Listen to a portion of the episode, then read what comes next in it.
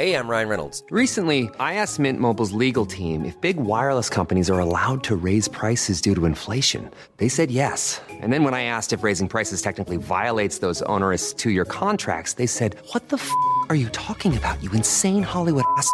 So to recap, we're cutting the price of Mint Unlimited from $30 a month to just $15 a month. Give it a try at mintmobile.com slash switch. $45 upfront for three months plus taxes and fees. Promo rate for new customers for limited time. Unlimited more than 40 gigabytes per month. Slows. Full terms at mintmobile.com.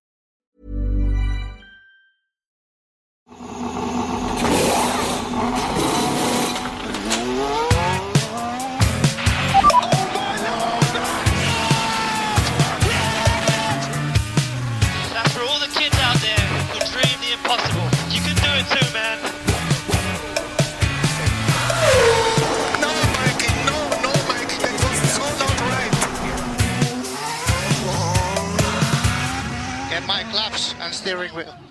Steering wheel, claps steering wheel here.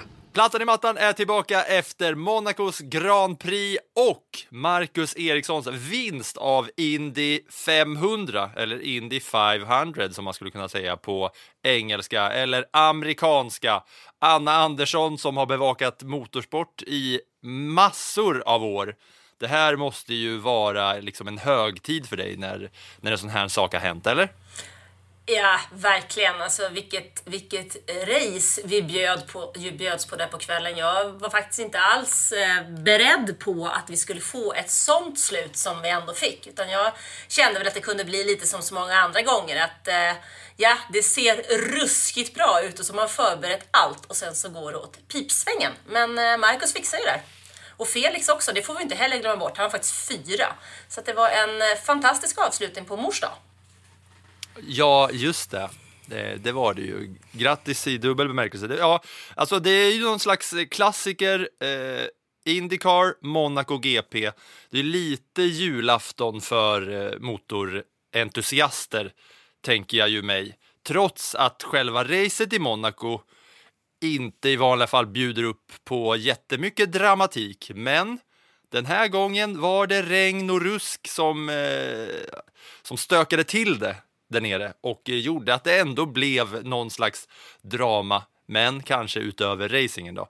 Eh, jag ska säga att det här är ju, som ni alla vet, va, det här är ju en Formel 1-podd. Men på grund av omständigheterna kring Indy 500 så kommer det ju bli lite mer eh, snack om Indycar. För att det som hände i eh, söndags, i söndag kväll i Indianapolis var ju att Marcus Eriksson vann det legendariska och klassiska racet Indy 500 och det är första gången en svensk vinner det sedan Kenny Bräck vann det 1999. Va?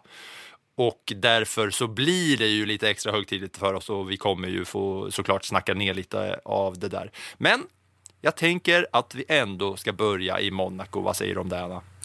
Det tycker jag att vi gör helt rätt Vi kör i samma ordning som det var under söndagen helt enkelt. Först eh, Monaco, kaos och sen hinner vi snabbt över till Indy 500 och allt är lugnt och sen blir det ett himla kalasande på slutet.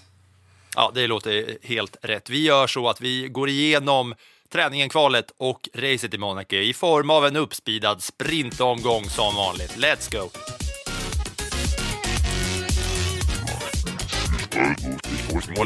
Nåja, vad är väl ett race i Monaco? Det kan ju vara fruktansvärt långtråkigt och dötrist och tråkigt och alldeles, alldeles underbart. För visst, i vanliga fall så är det inte jättemycket drama att snacka om i Monaco, men den här gången, ja, då fanns det en hel del att kackla om. Racehelgen hade ett hot om regn över sig redan under den första träningen, men det dröjde ända till självaste racestarten innan medelhavsmolnen tömdes över Monacos gator. Men först var det ju ett eh, regnfritt kval där hemmasonen Charles Leclerc för andra året i rad fixade pole position. Den här gången före teamkollegan Carlos Sainz och de båda Red Bull-förarna med Sergio Perez som den snabbare av stortjurarna. En Perez som såg till att det blev rödflagg innan flera förare hann starta sitt sista försök i Q3 och glad ska nog han vara för det. Söndagens GP startade bakom säkerhetsbil där båda pappas pojkar Niklas Latifi och Lance Stroll inte kunde kontrollera sina bilar trots den låga hastigheten. På grund av ösregnet så kördes inte heller alla 77 planerade varv på grund av tidsbrist. Och när raceklockan tickat ner på noll så stod Sergio Perez som segrare efter att Ferrari totalklantat bort sin självklara 1-2 med ett depåstoppshaveri utan dess like. Racet började som sagt i ösregn och på däcken som kallas för wets, men efter ett tag så torkade vätan upp och det skulle spelas däckbytarschack mellan teamen. Direkt på slicks eller först på intermediates? Mm, det var frågan. Det rådde delade meningar om vad som var bäst och Ferrari var verkligen inte i närheten av bäst den här dagen. Leclerc blev av med sin ledning och på Monacos gator är det svårt att köra om även för en monegask son. Så han blev till slut fyra efter Perez, Sainz och Verstappen. Haas hade återigen en mardrömshelg med en Mick Schumacher som kraschade sin bil i två delar och en vattenläcka som satte stopp för dunderdansken Kevin Magnussen. Ingen Haas-bil i mål och nu börjar Schumacher kosta teamet pengar. Vad säger Günther Steiner om detta, va? Resten av Monacos snackisar, ja, de sätter vi tänderna i nu, Anna.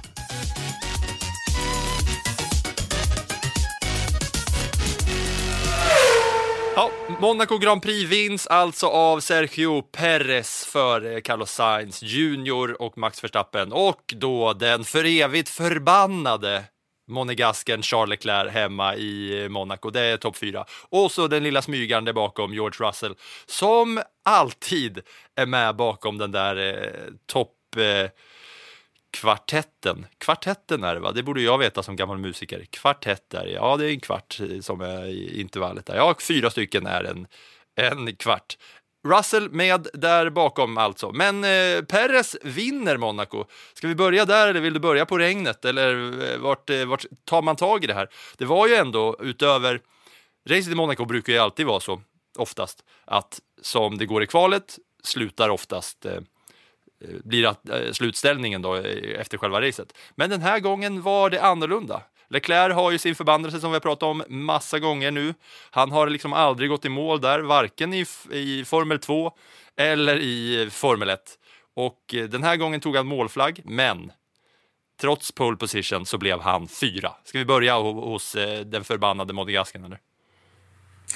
Ja, alltså, det är en, på något sätt en bedrift i sig att ha pole position två år i rad och inte ta sig mål på bättre placering än fyra vid något tillfälle i Monaco. Men till eh, Charles Leclercs eh, försvar så är det ju den här regnskuren. Så det kommer ju en regnskur precis innan start. Och då bestämmer sig Fia för att man Det ska... var väl ett, sky, det var väl ett skyfall mer eller mindre va? Det var ingen skur. Det, var ju, det stod ju som beror ju på hur man- klassiska spöna i backen. Det beror ju på hur man definierar ordet skur. Det regnar rejält kan vi säga i alla fall. Ja, okej. Det vräkte ner, öste ner, eh, skurade. Men i alla fall så var det ju så att Fia sköt fram starten med 16 minuter och det var ju för att alla skulle ha möjligheten att plocka på sig eh, regndäck. Men vad vi inte visste då och inte visste förrän efter racet, det var att det var ett strömavbrott på he- i hela depåområdet och på startmålrakan.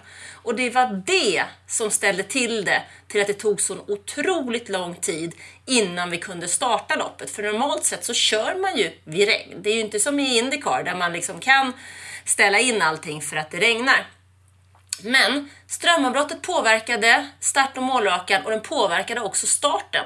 Det var anledningen till att vi hade en rullande start och inte en stående start, för det fanns ingen elektricitet.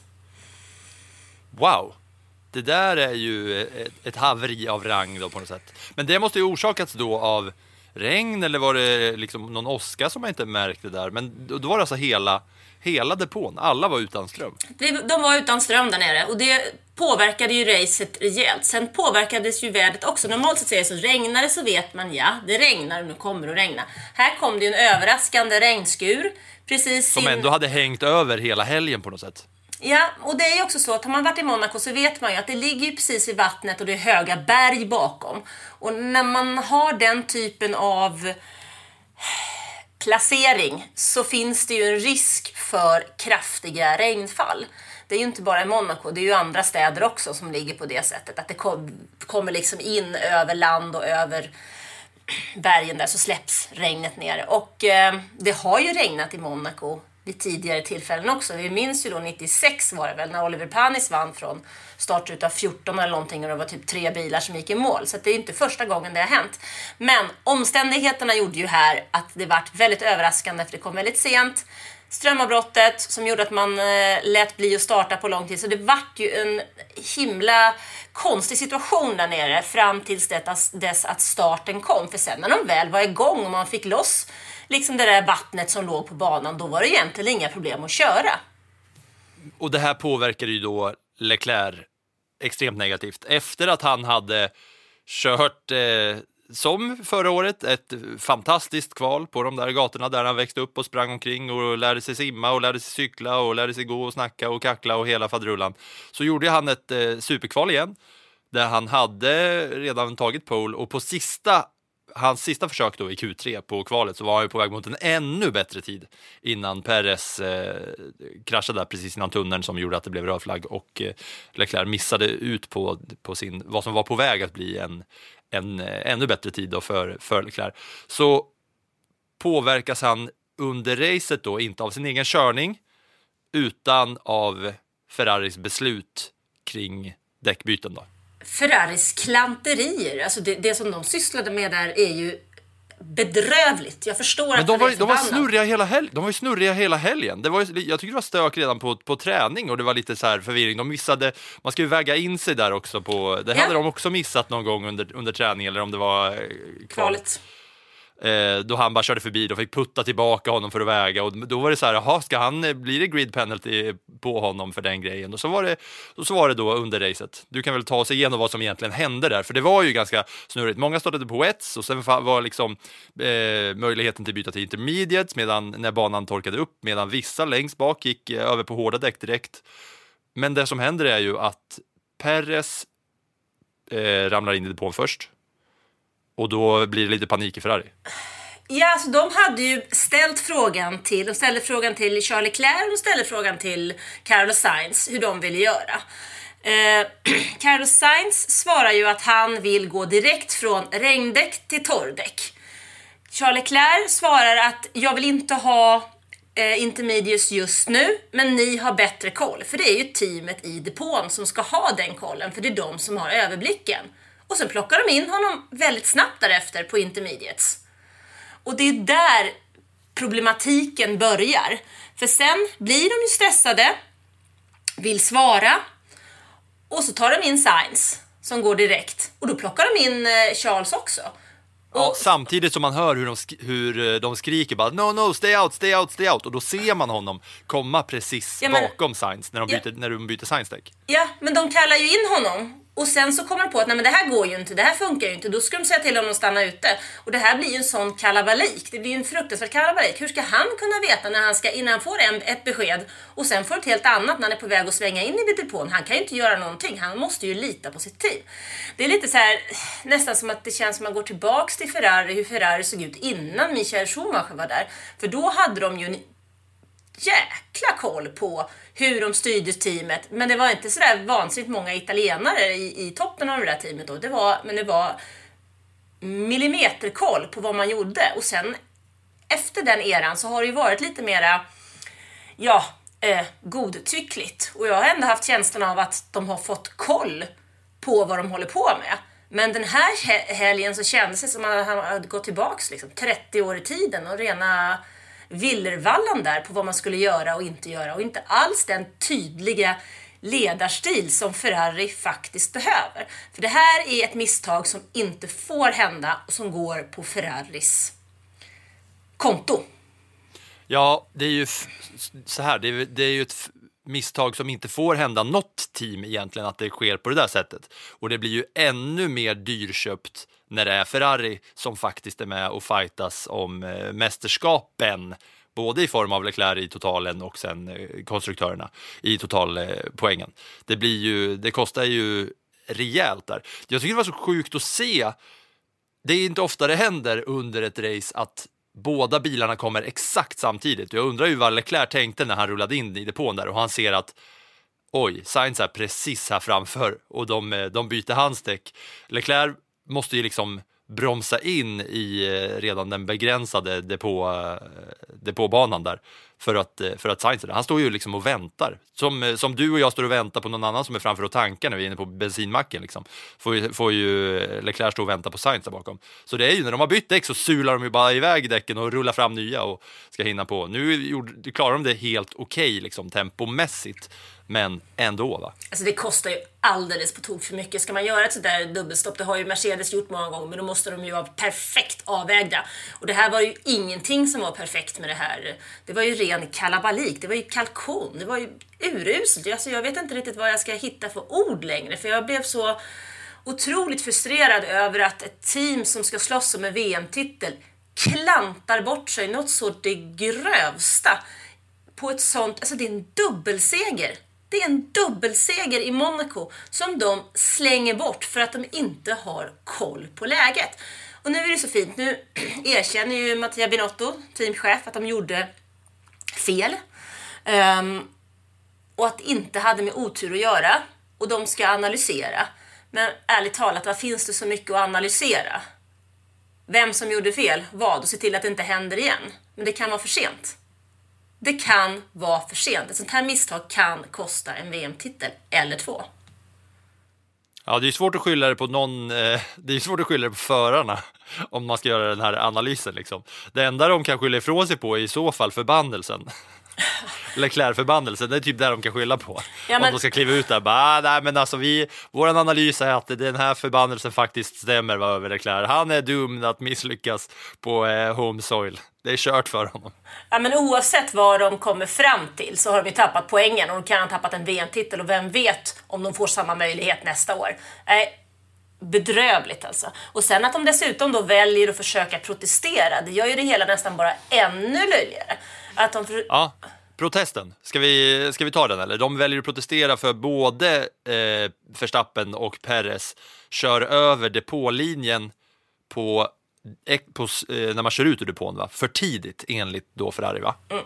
Men den här protesten har ju Fia slagit av. Eh, De man lyssnade ordentligt på vad alla hade att säga och sen tittade man tillbaks till hur det har varit tidigare och sen avslogs den protesten. Men jag menar eftersom den inte togs upp under racet överhuvudtaget det var ingen som kikade på det och så kunde man ju räkna ut att det här var ju bara någon slags desperat försök att rädda någon typ av ansikte överhuvudtaget eh, För att visa att vi var inte så usla som vi faktiskt var. Det, det de eh, protesterade var, var att de korsade den där depålinjen för tidigt. Och det jag har eh, hört och läst mig till var att det är en liten miss av Fia där för att tydligen har de har reglerna kring det där eh, ändrats med just den där linjen. Det är ju att hela däcket får inte vara över, men en del av däcket får vara eh, över den där linjen. Och då hade, jag kommer inte ihåg vad han heter som, som styrde då hade de bara kört en copy-paste från förra årets regler och gjort en miss där i det lilla, lilla, lilla finstilta som, eh, som man då gjorde, som man då gjorde, baserade protesten på. Vilket eh, känns ganska patetiskt va? Alltså, man, gick som det men, gick. ja, men i slutändan, alltså, man kan ju inte hålla på och protestera bara för att man har, själv har gjort ett skitmisstag. För det är ju det som de har gjort. Ferrari har ju bara sig själva att skylla på det här. Och eh, nej, uruselt. Jag förstår om Leclerc är förbannad. Det hade jag Ja, varit. det var ju, det var ju rätt välbipat hans eh, radiomeddelande när han, eh, när han var, körde ut ur depån där, när man fick eh, höra hur han kom ut. Att det bara var pip, pip, pip, pip, pip, pip, pip, why, why, why guys? Men eh, hade inte du varit så förbannad? Jag hade varit helt vansinnig. Jag hade nog inte sagt why guys, jag hade nog bara blivit eh, censurerad och bipad där faktiskt. Ja, men jag tycker han gör rätt som blir bipad. Och då blir han fyra och Sainz blir tvåa. Det är en Och- och att- dubbelseger. Det är en dubbelseger! Och så blir det Ja, som de kastar bort ja. tvåa, fyra. Nej, bedrövligt. Ja, och just när det är på Monaco också, där man vet att det är så svårt att köra om på den banan och att det är så sällsynt med omkörningar om farten är ungefär densamma på folk. Det såg vi ju längre ner i fältet också med Hamilton som inte kunde ta sig förbi Alonso som låg och hade lite trollskola där bakom. Jag vet inte vad han gjorde, det ska vi kanske prata mer om. Men just att det sker i Monaco det här är ju också avgörande. För en, en sån där miss på några sekunder, kanske de skulle kunna ha kört in på något annat sätt på någon annan bana. Men just i Monaco där det är så pass omöjligt att köra om så blir det ju ännu mer dyrköpt. Men Sainz ändå, tvåa och Leclerc fyra. Det är ju poäng och bättre än Barcelona där det gick åt helvete för Leclerc som, som hade en superledning och eh, skulle kunna cruisat men då blev det ju motorhaveri. Va? Och eh, framför dem så var det ju då Perez. Och bara om vi hänger kvar lite vid Ferrari, det, det som gjorde att Perez eh, kunde vinna här var ju att Sainz var inkilad emellan Perez och Verstappen. För hade det inte varit så så hade ju Verstappen eh, fått köra förbi Perez trots att Perez var snabbast och bäst. Mm, han hade nog tur den här gången faktiskt att han eh, hade Sainz där så att han fick ta den här segern. Ja, för hade Verstappen varit bakom då hade det varit teamorder direkt. Släpp förbi, släpp förbi Max bara. Ja, absolut. Och jag, men jag tycker att det är lite skönt och lite kul ändå för Sergio Perez att han får ta den segern och lite tack så mycket för hjälpen i Barcelona sist när han faktiskt fick lov att flytta på sig. Och det visar också att han eh, är rätt man på rätt plats. Det kanske är ett kontrakt som är på gång där snart, va? Ja, det är nog både han och Red Bull eh, glada för, skulle jag gissa, för att han hittar väl, alltså han har väl, trots att han är så pass bra före, så är det nog svårt för honom att hitta en, en position som är bättre för honom, för här kan han ju puttra på och eh, plocka, plocka sina poäng och, och vara en viktig del och ett eh, toppteam. Och det där. Han hade ju en bra helg alltså, Perez. Han såg ju, han, det var liksom bra flow på honom hela, hela helgen. Han såg mycket mer stabil ut än Max och det såg bättre ut i kvalet eh, och, och inga misstag. Det var, eller ja, det var ju det där misstaget i kvalet. Ska vi kanske snudda lite vid det? För att eh, det där är ju lite halvintressant tycker jag på något sätt. Att eh, man kan ah, orsaka ett rödflagg som, av, som liksom avslutar kvalet. Men det är ju väldigt typiskt Monaco. Det har ju hänt gång på gång på gång på gång där. Men det jag kunde känna var i slutet av racet, om vi går tillbaks till racet. För, ja, visst, Perez gjorde en miss i slutet av kvalet, orsakade en, en röd flagg. Resultatet blev som det blev. Punkt färdigt kan jag tycka. Men i slutet av racet, när hans däck det var ju så här då att Red Bulls bilar hade mjukare däckblandning än Ferraris. Och det var ju väldigt tydligt i slutet av racet att de här däcken hade problem. Även om han lyckades köra över den problemperioden på ett snyggt sätt. Men det var under ett tillfälle där, där man kände att här skulle det kunna hända någonting. Och varenda gång som man kom ner mot den kurvan in mot tunneln så satt man nästan med hjärtat i halsgropen och kollade om det skulle vara så att han tappade bilen på lite liknande sätt som han faktiskt gjorde i kvalet när han missade den inbromsning lite grann. För nu hade han ju, det var blött och han hade inte helt perfekta däck och även om han är kungen av däckslitage. Jag menar det här är en kille som kört hem pallplatser i typ Sauber och även Racing Point. Just för att han är så otroligt duktig på att eh, hantera däckslitage. Men ändå så kände jag där att, ha, mm, får se. Men han redde ut det till slut. Ja, och den här försenade starten påverkade ju det här på något sätt. För man körde ju inte efter varv under det här racet när vi närmade oss slutet, eller hur? Det var, det var inte varven som räknades ner, utan det var en klocka som räknades ner. Mm, så blir det ju. Eh, det är ju så här att ett evenemang ska ta tre timmar. Så när man hade dratt igång det här då, eh, evenemanget, så hade man tre timmar på sig. Och så fick man ju vi vänta då, på grund av det här strömavbrottet och, och regn och så vidare, så väntade man ju då väldigt länge med att dra igång det. Och ett race i sig får ta två timmar. Så att när man då hade kört en bit och det var lite safety cars, sådana saker som drog eh, ut på tiden, så då började man till slut att köra mot en klocka istället för att racet skulle hålla sig inom två timmar och evenemanget inom tre. Och det här var ju då en liten blessing för Perez som, om det hade varit 77 varv, kanske inte riktigt hade klarat av det med de där däcken som började bli slitna mot slutet. Jo, om det jo, hade men alltså- fortsatt eh, varv efter varv efter varv efter varv. Jo, men då kanske de hade tagit ett helt annat däcksätt också. Jag menar, om utifall att. Det är som, som min, eh, när jag bodde i Tyskland så sa de alltid Wenn meine Großmutter rede hätte, wäre sie ein Omnibus. Ja, just det. Klassiska ordspråket. Det känner vi alla till. Nej, men om utifall att min mormor hade haft jul så hade det varit en buss. Men, Va? precis. Om utifall att min mormor hade haft jul hade hon varit en buss. Yes, precis. Man använder nämligen orden eh, på lite olika sätt där. Men i det här fallet, det, det som faktiskt är, går att applicera här, det är ju att det är väldigt mycket om utifrån att så kanske det eventuellt, möjligen, skulle ha kunnat vara så att det kanske, för att vi vet ju inte. Grejen är att de hade kunnat ta ett helt annat sätt däck om de hade vetat att, att, så att ja, det blir ju som ett korthus här. Han fixar det, punkt färdigt. Ja, jo, det har väl du rätt i. Va?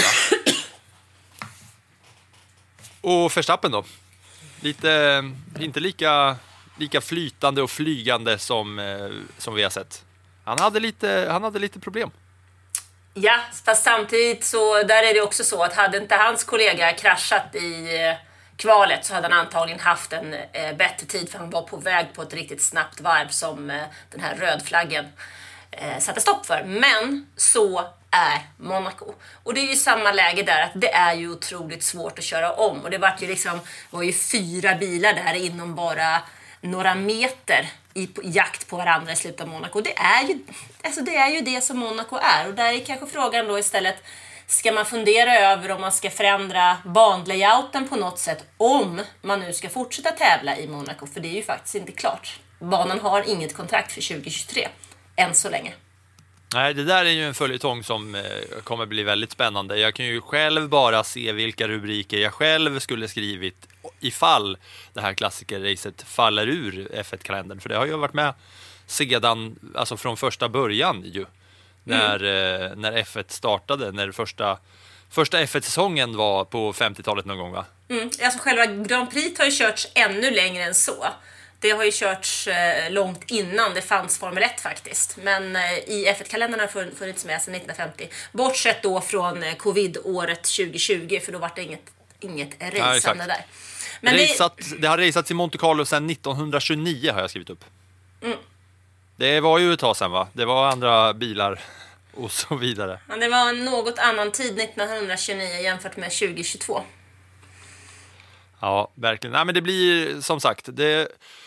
och samtidigt, jag vet ju att många som är hardcore F1-fantaster som har följt sporten genom alla år, så är det ju heligt Monaco.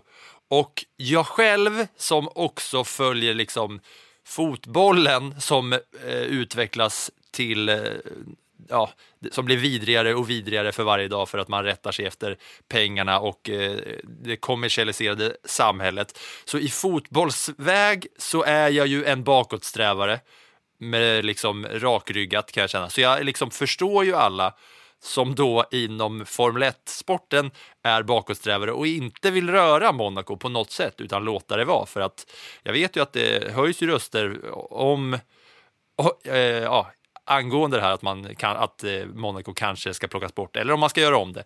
Så jag, jag hör er liksom. Jag är helt med när man är bakåtsträvare i, eh, i sin sport. Men eh, ja, det är spännande att se vad, vad det ska ta vägen av Monaco med tanke på att det är så pass kort tid kvar till, till nästa säsong ändå. Mm. Jag tror att det finns lite, lite saker att lösa här för att det handlar ju om att, att Monaco till exempel sköter tv-produktionen och det har de ju inte gjort sådär superbra. Det såg vi bland annat i kvalet när vi fick se Charles Leclerc samtidigt som Sergio Perez kraschade. Vi fick inte se den smällen ordentligt men man kunde bara ana den ena hörnan. Eh, och det var ju vissa andra som sa kvaliteten på, på fredagsträningen var ju inte heller bra. Under racet fanns det också en del övrigt att önska. Plus att de har eh, reklamkontrakten som gör att de själva handlar upp reklamen, vilket ju leder till att F1 har ju ett avtal med Rolex. Men i Monaco så står det Tag Heuer som är då en, en klockkonkurrent överallt ordentligt. Så det finns ju massa sådana Kan det saker. vara så att det heter Tag Heuer? Eller heter det Tag Heuer? Du vet, jag har bott i Tyskland. Du har rätt. Det var en sån klassisk grej man sa när man var liten bara, tag Heuer. Men på samma sätt så sa ju många eh, polare till mig också om fotbollsskorna Nike Predator, sa ju också Nike Predator, är ju en klassiker. Man inte Ja. riktigt kunde engelska, så ja, jo, tag Heuer.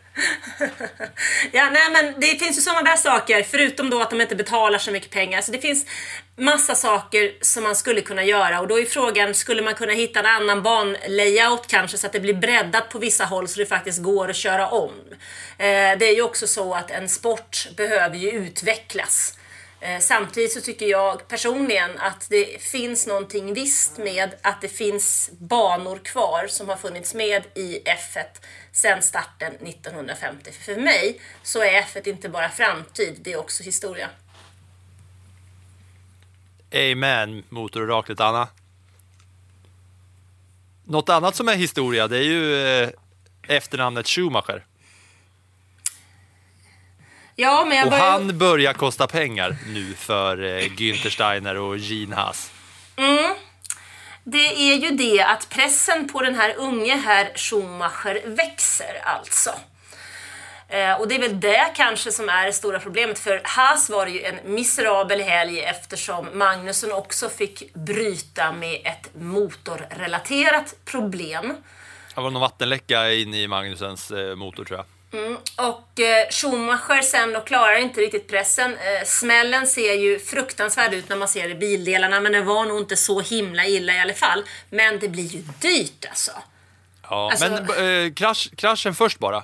Eh, jag eh, tyckte ändå det var lite hjärtat i halsgropen, för man såg ju bilen. Man fick höra att det var, det var gul flagg i, i, någonstans på banan och sen så klipps det till bilder på en bil som har gått av på mitten. Och så fick, visste man inte så mycket mer för man hade inte fått se smällen. Och då var det ändå lite att det var just Schumacher och att det var i Monaco och bilen snapped in half. Mm. Men det är ju en konstruktionsgrej det där som de har gjort inför år. Det var ju precis samma sak i den förra kollisionen som man hade. Då gick den ju också i två delar och det är ju för att man ska skydda föraren och att det inte ska börja brinna eh, egentligen. Så att, eh, Ehm, jag tyckte inte att det kändes så, för jag tyckte man såg honom rätt tidigt på väg, eller han, och han pratade och sa I'm okay liksom. Så det kändes ändå tyckte jag väl lite okej, men det som bekymrar mig mer är ju att han inte klarar av att hantera pressen och att han sätter sig i den situationen och att han börjar kosta väldigt, väldigt mycket pengar för ett team som inte har så väldigt, väldigt mycket pengar. Hans framtid bygger ju liksom inte bara på att han slår eh, Kevin Magnussen. Det bygger ju också på att han är en förare som är värdig och ekonomiskt gynnsam att ha i ett team. Och just nu så är han ju varken det ena eller det andra. Nej, och man, man vet ju också att bilen är inte så fruktansvärt värdelös som den har varit de senaste åren. När man ser Magnusen eh, gång på gång göra bra varv under kvalen när han liksom lägger sig på femte och, och i Barcelona så kollar de in som nia och tia. Så bilen är det ju inget fel på fartmässigt och den går ju att köra uppenbarligen. Men gång på gång så eh, kommer Magnusen in Eh, och placerar sig över, över Schumacher. Men du hamnar ju i ett läge där du blir, du blir pressad, du måste prestera och det gäller ju att kunna hantera det eh, och inte köra ö- överköra bilen. För det är det lite grann som händer här, att man eh, går över gränsen. Man måste ju han, köra Formel 1 handlar ju inte om att köra under gränsen och inte om att köra över gränsen utan det handlar ju om att köra på gränsen och då måste man hitta det. Och har man svårt med det för att man känner sig pressad så blir det ju det här resultatet, tyvärr. Ja, och det känns ju ganska tydligt för han är ju inte bara eh, Mikael Schumachers son. Han är ju ändå en Formel 2-vinnare eh, och kör i en bil som, eh, som har kvaliteter och, och farten. Men det är ju, eh, ju mer pressat det blir, desto större blir misstagen känns det som.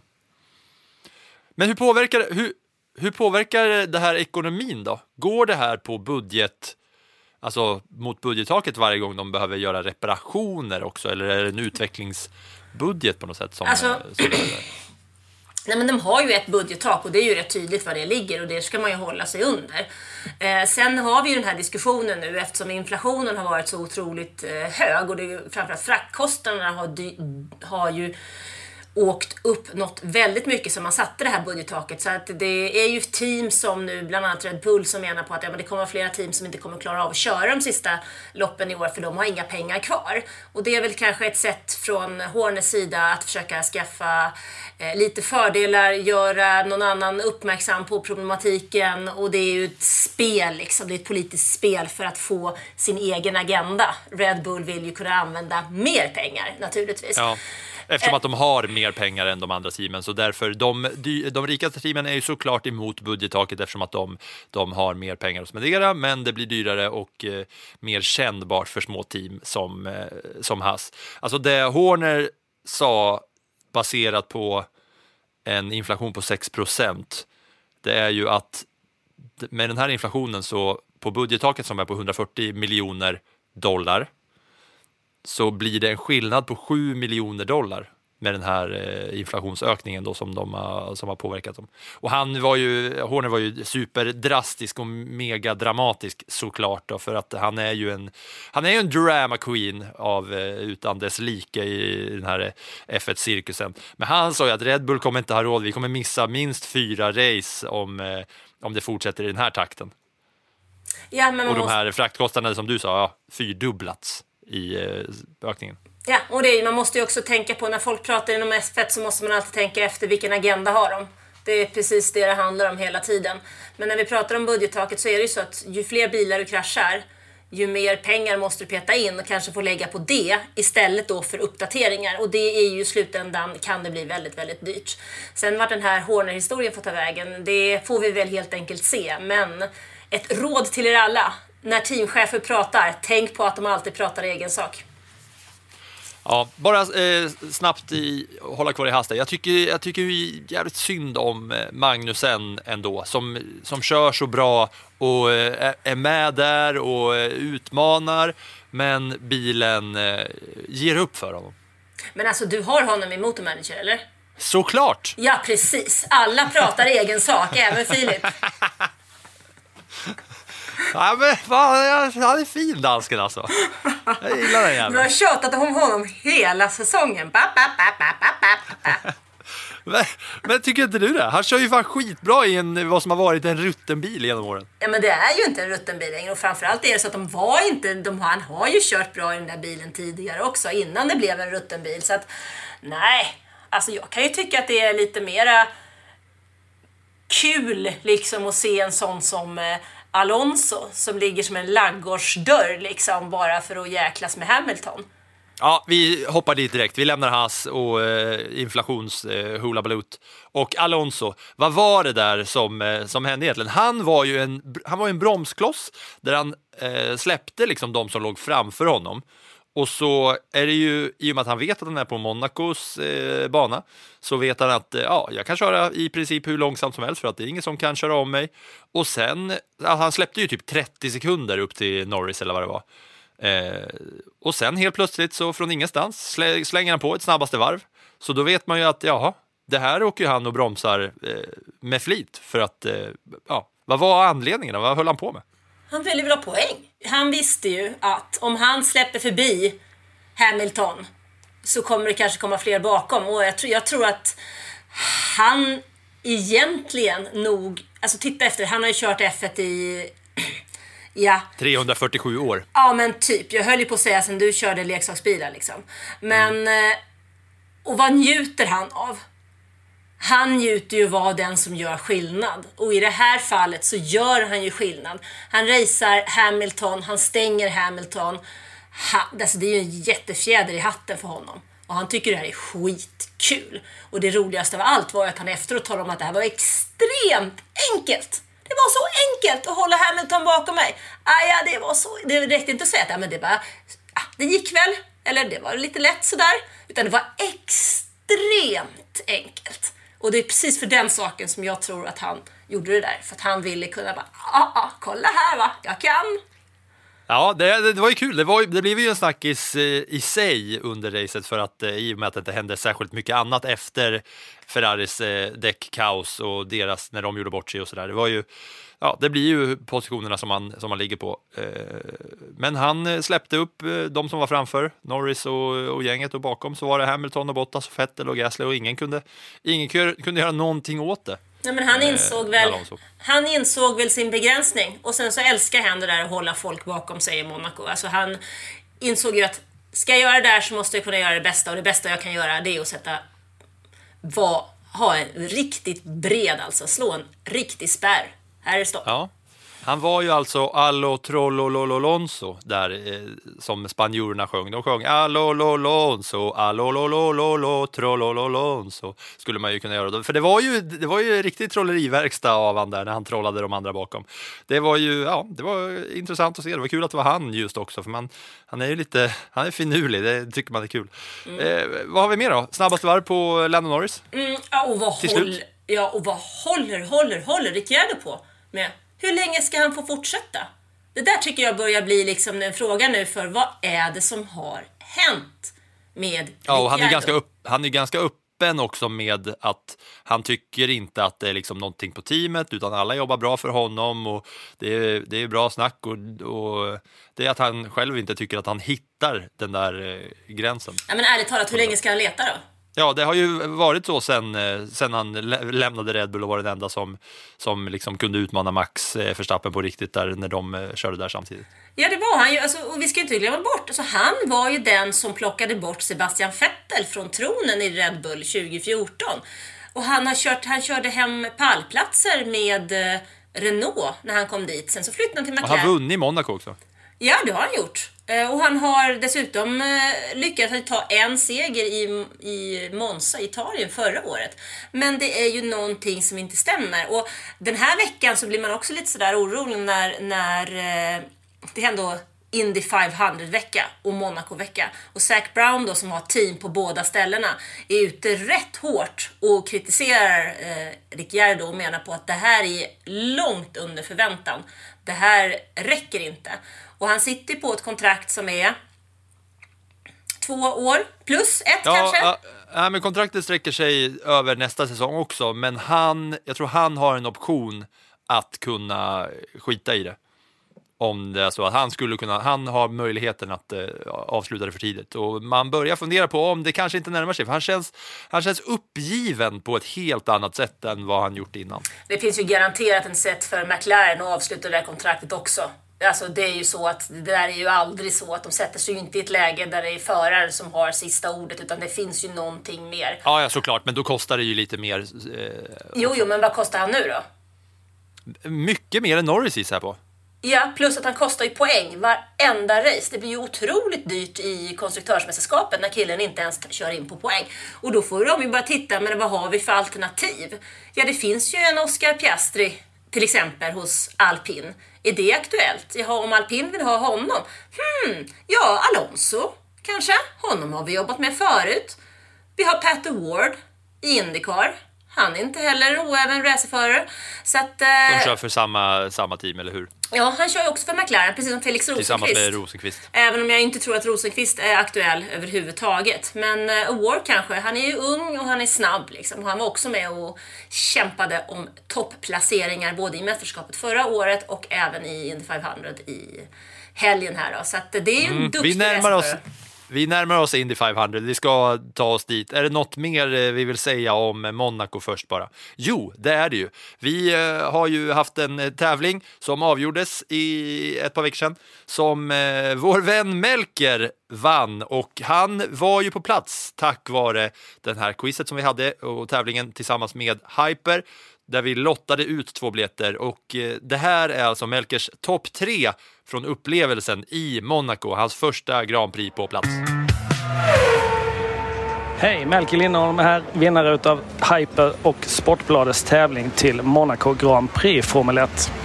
Jag har valt ut de tre bästa sakerna med hela helgen. Eh, nummer ett är lyxen och fläden på, vid eh, arenan och platserna som vi hade. De var hur bra som helst. Nummer två, kampen mellan Red Bull och Ferrari som pågick in i det sista. Eh, mycket spännande att se. Nummer tre var kvalifikationerna eh, dagen innan racet. Också otroligt spännande att se när de körde om sina positioner. Ett stort tack till Hyper och Sportbladet för att jag fick eh, eh, upplevelsen att vara med på den här tävlingen. Tack och hej från Nice!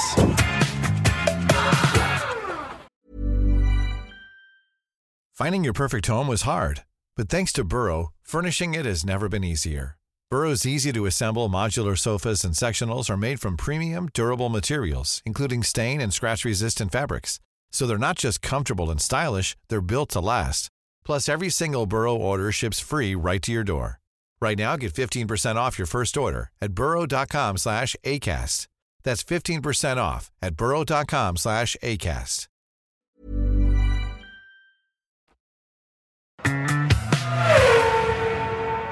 Anna, har du satt plus på det här racet? Ja, men givetvis har jag gjort det. Jag kan dra dem lite kvickt, för det känns som jag har snackat ner racet ordentligt redan. Men jag kan ta det lite snabbt. Ja, det är sjukt att det finns så mycket att snacka om ett så pass händelselöst race ändå. finns alltid mycket att prata om. De små, små narrativen hittar sig in överallt va. Men nu vill jag höra vem som bara får ett plus av dig. Den åker ju Ricardo på, för det ett plus är underkänt. Och jag tycker att han är inte bara underkänd den här helgen, han är faktiskt underkänd hela den här säsongen. Det är, nej, icke alls bra. Två plus då? Fernando Alonso, hans defensiva körning. Långsam som en snigel, bred som en ladugårdsdörr. Vad mer kan man begära av en gammal världsmästare? Det är ett uttryck också, eller finns det på tyska med? Nej, det hittar jag på själv. Jag kan sånt också. Ja, det, ja, det, lät så, det lät så väldigt eh, klippt och skuret som ett ordspråk. Långsam som en snigel, bred som en ladugårdsdörr. Jag tänkte Fernando mer- Alonso, Ja, precis. Jag tänkte mer på en mittsexa handbollsmässigt. De är ju ofta sådana. Nej, så får jag inte säga. Jo, det får du väl. Du, du om någon har väl, eh, har väl koll på det där. Något annat du har koll på, det är den som fick 3 plus. Ja, George Russell, det är din lilla älskling. Men alltså... Smygarn, Ja, visst, Russell. du. Femma igen. Killen har tagit poäng i varje lopp och han har aldrig varit sämre än femma. Det är mycket, mycket bra. Apropå eh, Russell och eh, motormanager så fingrade jag på honom de eh, fem minuter innan kvalet drog igång och höll på att mecka lite med min budget där för jag är sugen på att få in Russell. Han är fortfarande lite, lite, lite för dyr som gör att det kostar lite väl mycket. Men alltså, det här är ju tillförlitlighet eh, personifierat va? Mm, absolut. Tre plus till honom. Fyra plus då? Fyra plus går till Carlos Sainz och de går till Sainz för att han faktiskt stod på sig i bilen när Ferrari kom med ett eh, besked där när det gällde depåstoppen och han som var på banan faktiskt tog ett eget initiativ. Ja, de säger till honom att eh, box, box och då säger jag nej, nej, nej, nej, nej, jag vill inte boxa, jag vill, eh, jag vill eh, köra på och eh, inte köra på intermediates, jag vill gå direkt från wet till hårda däck ju. Han tänkte till när teamet inte gjorde det. Tror du han tänkte lite att han inte ville vara guide för Leclerc Det är väl klart han gjorde. Han är väl inte dum. och då stod han på sig och det är där vi ger 4 plus. Under omständigheterna, ja, det är bra. Och 5 plus då, Sergio Perez. bra uttal. Det var bra. Du? Berätta varför han får 5 plus. Jo, därför att strategin var smart. Han hanterar däcken, han hanterar pressen och han kör in sin tredje seger och han visar efter racet i Barcelona där han körde riktigt bra och egentligen var världens seger. Så knöt han näven och eh, tog tag i det en vecka senare. Oerhört bra av Perez som eh, placerar sig högst upp på podiet. Nu är det väl baske mig dags för att snacka om den numera historiske Marcus Eriksson. Let's go över till Indy 500.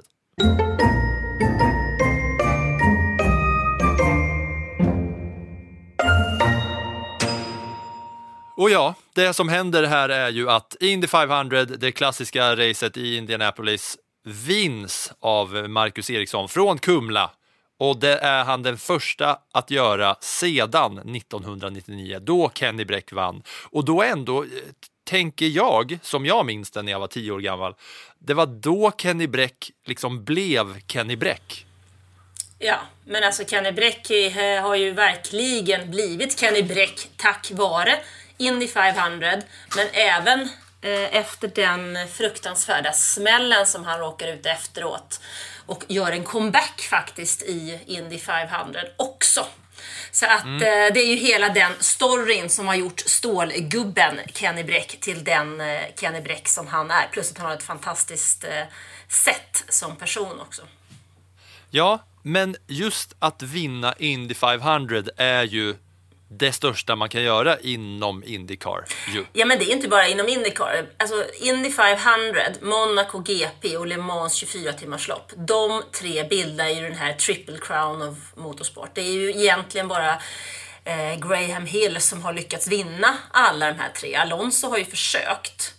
Men han har ju faktiskt inte segern i Indy 500 än. Och det är jätte, jättesvårt att vinna de där tre. Och Indy 500, alltså det har körts i 106 gånger. Det är något av det största som finns inom motorsporten. För det är en dag, ett race och vi hade en halv miljon människor på plats. En halv mille människor. Mm, bara en sån sak. Ja, det är så sjukt när man såg de här bilderna över den där eh, banan och att det är folk överallt. Och jag som tyckte det var otroligt att vara bland 121 000 människor i Barcelona. Jag, jag, otroligt vilken syn det var. Och där kör de då varv på varv på varv på varv 200 på varv varv. på varv. Ja. 200, 200 varv. varv. Och det är jag då som såg mitt första Indycar i min eh, motorsportsjournalistkarriär här ändå. Det var ju ett skrivet manus. alla Abu Dhabi i F1 2021. Att det avgörs via ett röd flagg i slutet. Och sen startas det om. Jimmy Johnson kör in i väggen, alla får gå in i depån och så står de uppradade där. Och Marcus Eriksson är då fyra, det blir ju till slut tre varv efter ett varv bakom säkerhetsbilar. där.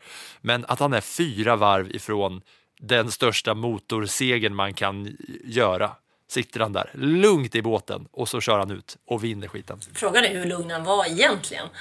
Eh, Men eh, det är otroligt. Jag var faktiskt lite orolig där för att eh, det kommer ju en bra slipstream där bakom när du kör på de här ovalerna. Så jag var lite orolig för att han inte skulle klara av att hålla Pat Award, som vi pratade om, McLaren-föraren, bakom sådär. Men han gjorde ju ett otroligt bra lopp och jag tror ju att den här segern kommer att ha väldigt stor betydelse för Marcus. Inte bara det faktum att han liksom nu är erkänd, han har ringen, han har druckit den där mjölken. Eh, Men också att han får dubbla poäng, vilket gör att han ju kliver upp i toppen av mästerskapet och har en fantastiskt fin grund. För... Ja, han leder alltihopa nu. Mm, jo, men han har en fantastiskt fin grund för att vinna mästerskapet, för det får man ju efter Indy 500. Men också, tänker jag, för framöver, för Marcus är ju nu 31 år. Han hade en, inte på något sätt dålig karriär i F1, utan han gjorde ju vad, det, vad han kunde med det materialet han hade. Däremot så hade han ofta svårt att slå sin teamkollega sett till ett hel, en hel säsong. Och det är så att inom Formel 1 så är du aldrig bättre än din teamkollega, för det är den enda föraren som har exakt samma material. Och du behöver dessutom överprestera om du har ett sämre material. Men det fixade han inte riktigt. Men däremot i Indycar så har han hittat en helt annan typ av körning. Han sitter i ett toppteam. Han sitter i Chip Ganassi Racing. Det är ett av de mest klassiska teamen och också toppteam. Och han har förutsättningarna, han har byggt upp någonting. Och han har ju vetat hela tiden att det är ovalerna som han måste jobba vidare på. Och startade med en plats tre i Texas, gick nu vidare med det här. Och blir han så pass bra att han kan konkurrera på ovaler, då är Marcus Eriksson en förare för mästartiteln i Indycar så länge som han väljer att köra där. Ja, han är ju där etta nu i totalen på 206 poäng före Pat Award på 213. Men båda de har liksom bara varsin seger och tre topp 5-placeringar. Och ändå är det Eriksson, för det svänger ju mycket. Och det gör det ju, vill jag säga då, för att jag vet att ni är många som lyssnar som inte bryr er särskilt mycket om Indycar och har sett särskilt mycket Indycar. Men alltså, och så tänker man, alltså det är ju det här, ja, men varför ska jag sitta och kolla när de kör varv, runt, runt, runt, varv på varv på varv. Men alltså, det sjuka är att jämför man med Monaco så var det ju 140 fler incidenter som var intressanta i det här Indycar-racet. Det händer ju grejer hela tiden och de är inne i depån sex gånger typ. Och det tankas och det puttas och det sladdas och det kränger hit och dit.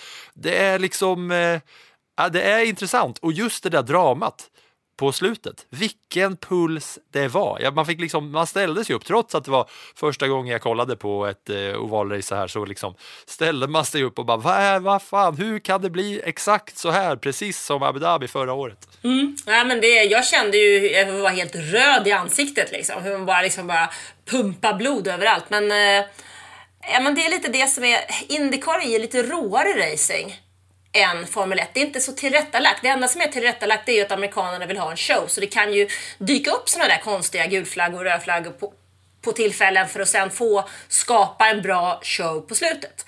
Men sen en annan för, någonting annat som jag tycker är bra och som jag tycker är kul med Indycar, det är ju faktiskt det att det är väldigt många förare som har chansen att vinna. Det är föraren som gör skillnad, plus att de kör på tre olika bantyper. Vilket också kräver lite extra. Det är inga schyssta Tilkebanor som man säger i Formel 1, alltså byggda av Herman Tilke med enorma avåkningszoner. Utan här är det lite mera, ja, the real deal. Och det går undan.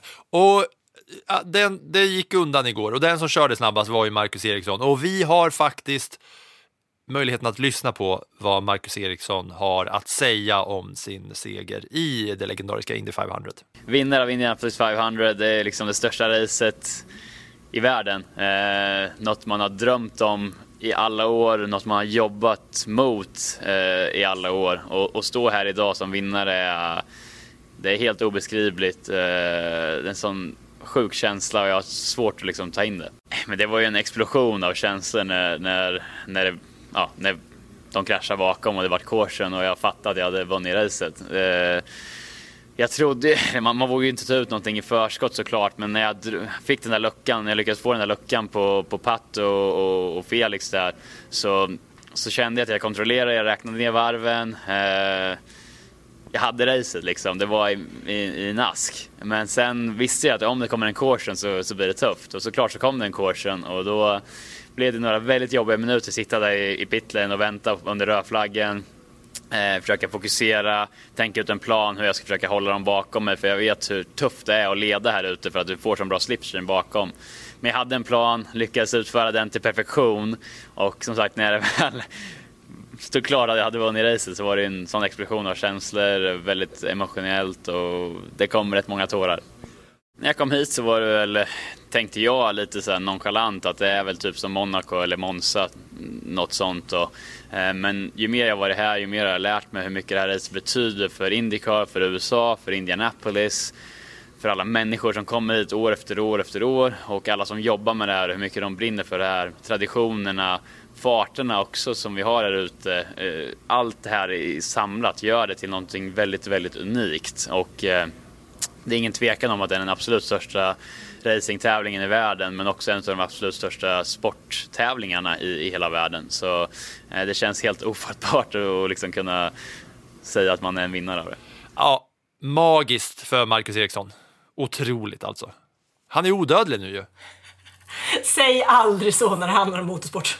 Nej, förlåt. Han är för evigt i historieböckerna för all framtid, oavsett vad som händer. Mm. Alltså jag tycker det här är riktigt, riktigt stort. Jag tycker med bestämdhet att han måste vara en eh, kandidat för de stora svenska idrottspriserna. Då pratar vi inte bara motorsport, vi pratar även Jerringpris, bragdguld och sådana saker. För vinter-OS, alltså det här är en helt annan kaliber än lite skidor. Så säger hon, Anna Andersson, motororaklet som har koll på motorsporten och då vet man, man tar det på allvar va. Alltså, eh, Kenny Bräck blev ju, det jag menar med att Kenny Bräck blev Kenny Bräck när han vann 99, det var ju att han blev den här liksom folkhjälten på något sätt. I en så pass okänd sport ändå, eller liten i svenska folkhemmet som eh, USA-racing alltså. Men det, en vinst här kan ju göra en sån grej. Mm, absolut. Sen får vi faktiskt inte glömma bort, Felix Rosenqvist hade också chansen på den där segern. Han Ja. slutade fyra. Vi har alltså två svenskar i topp fyra. Det är otroligt bra.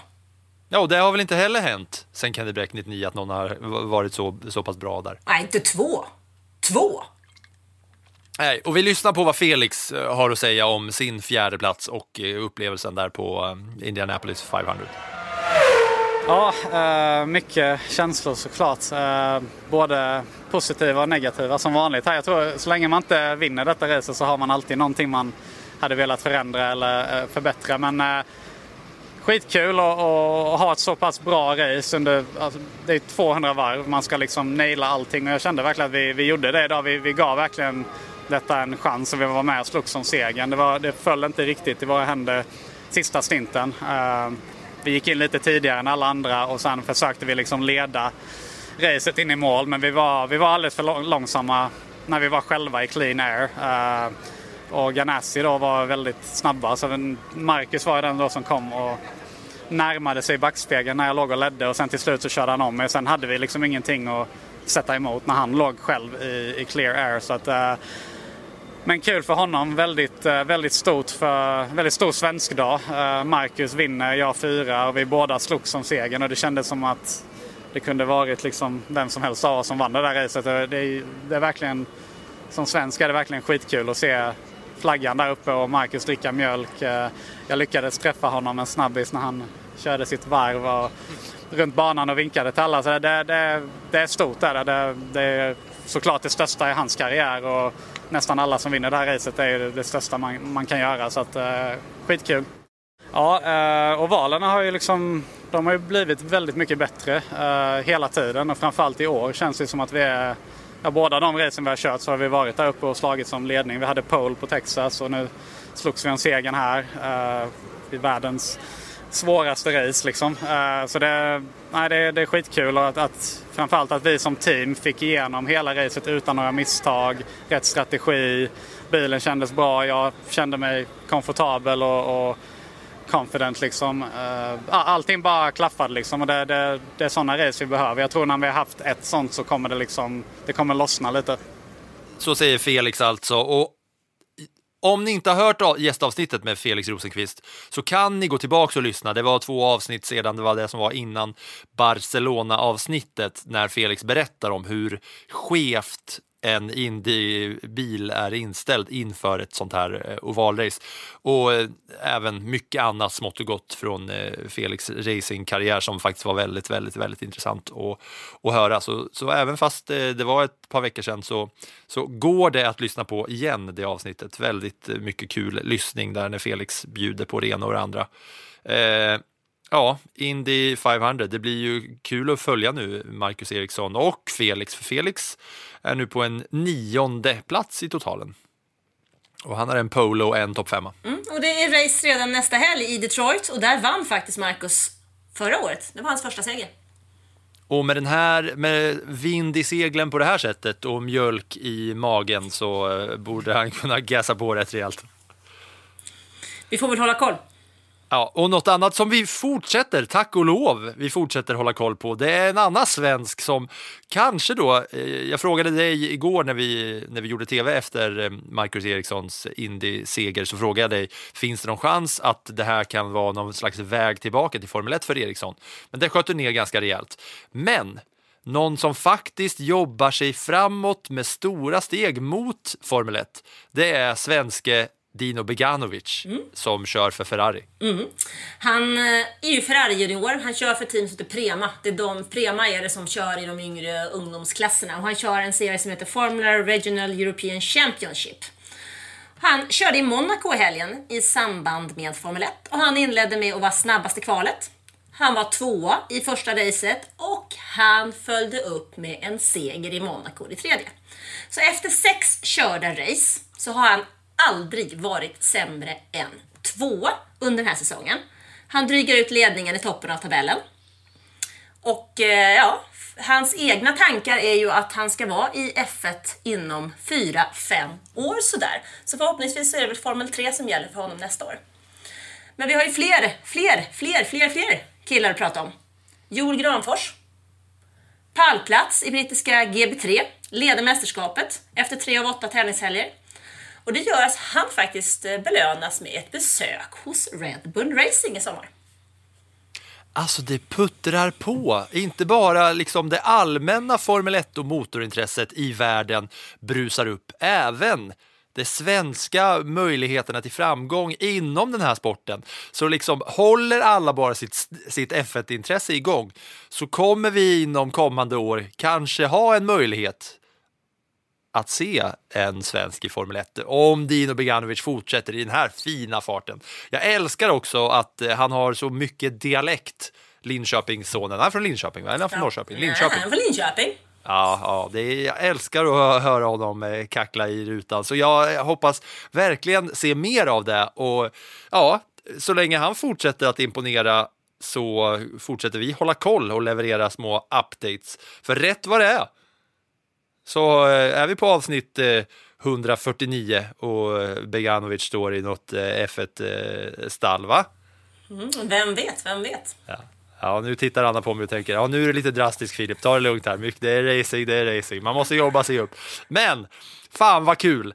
Eh, det är så här att eh, vi hade utlovat eh, backspegeln till det här avsnittet, men med tanke på att eh, Marcus Eriksson körde hem eh, Indy 500, Felix Rosenqvist kom fyra och eh, det ändå fanns så pass mycket att snacka om, så gör vi så att vi skjuter upp eh, i backspegeln där vi drog lappen Lella Lombardi till nästa veckas avsnitt. Och det är ju så här att kommande helg, den helgen som kommer nu, så har vi inget race. Men veckan efter så drar vi ju till eh, friheternas land Azerbajdzjan va, som eh, ligger i botten på pressfrihetsindex. Kanonlandet Azerbajdzjan och racet i Baku, stadsbana, 12 juni.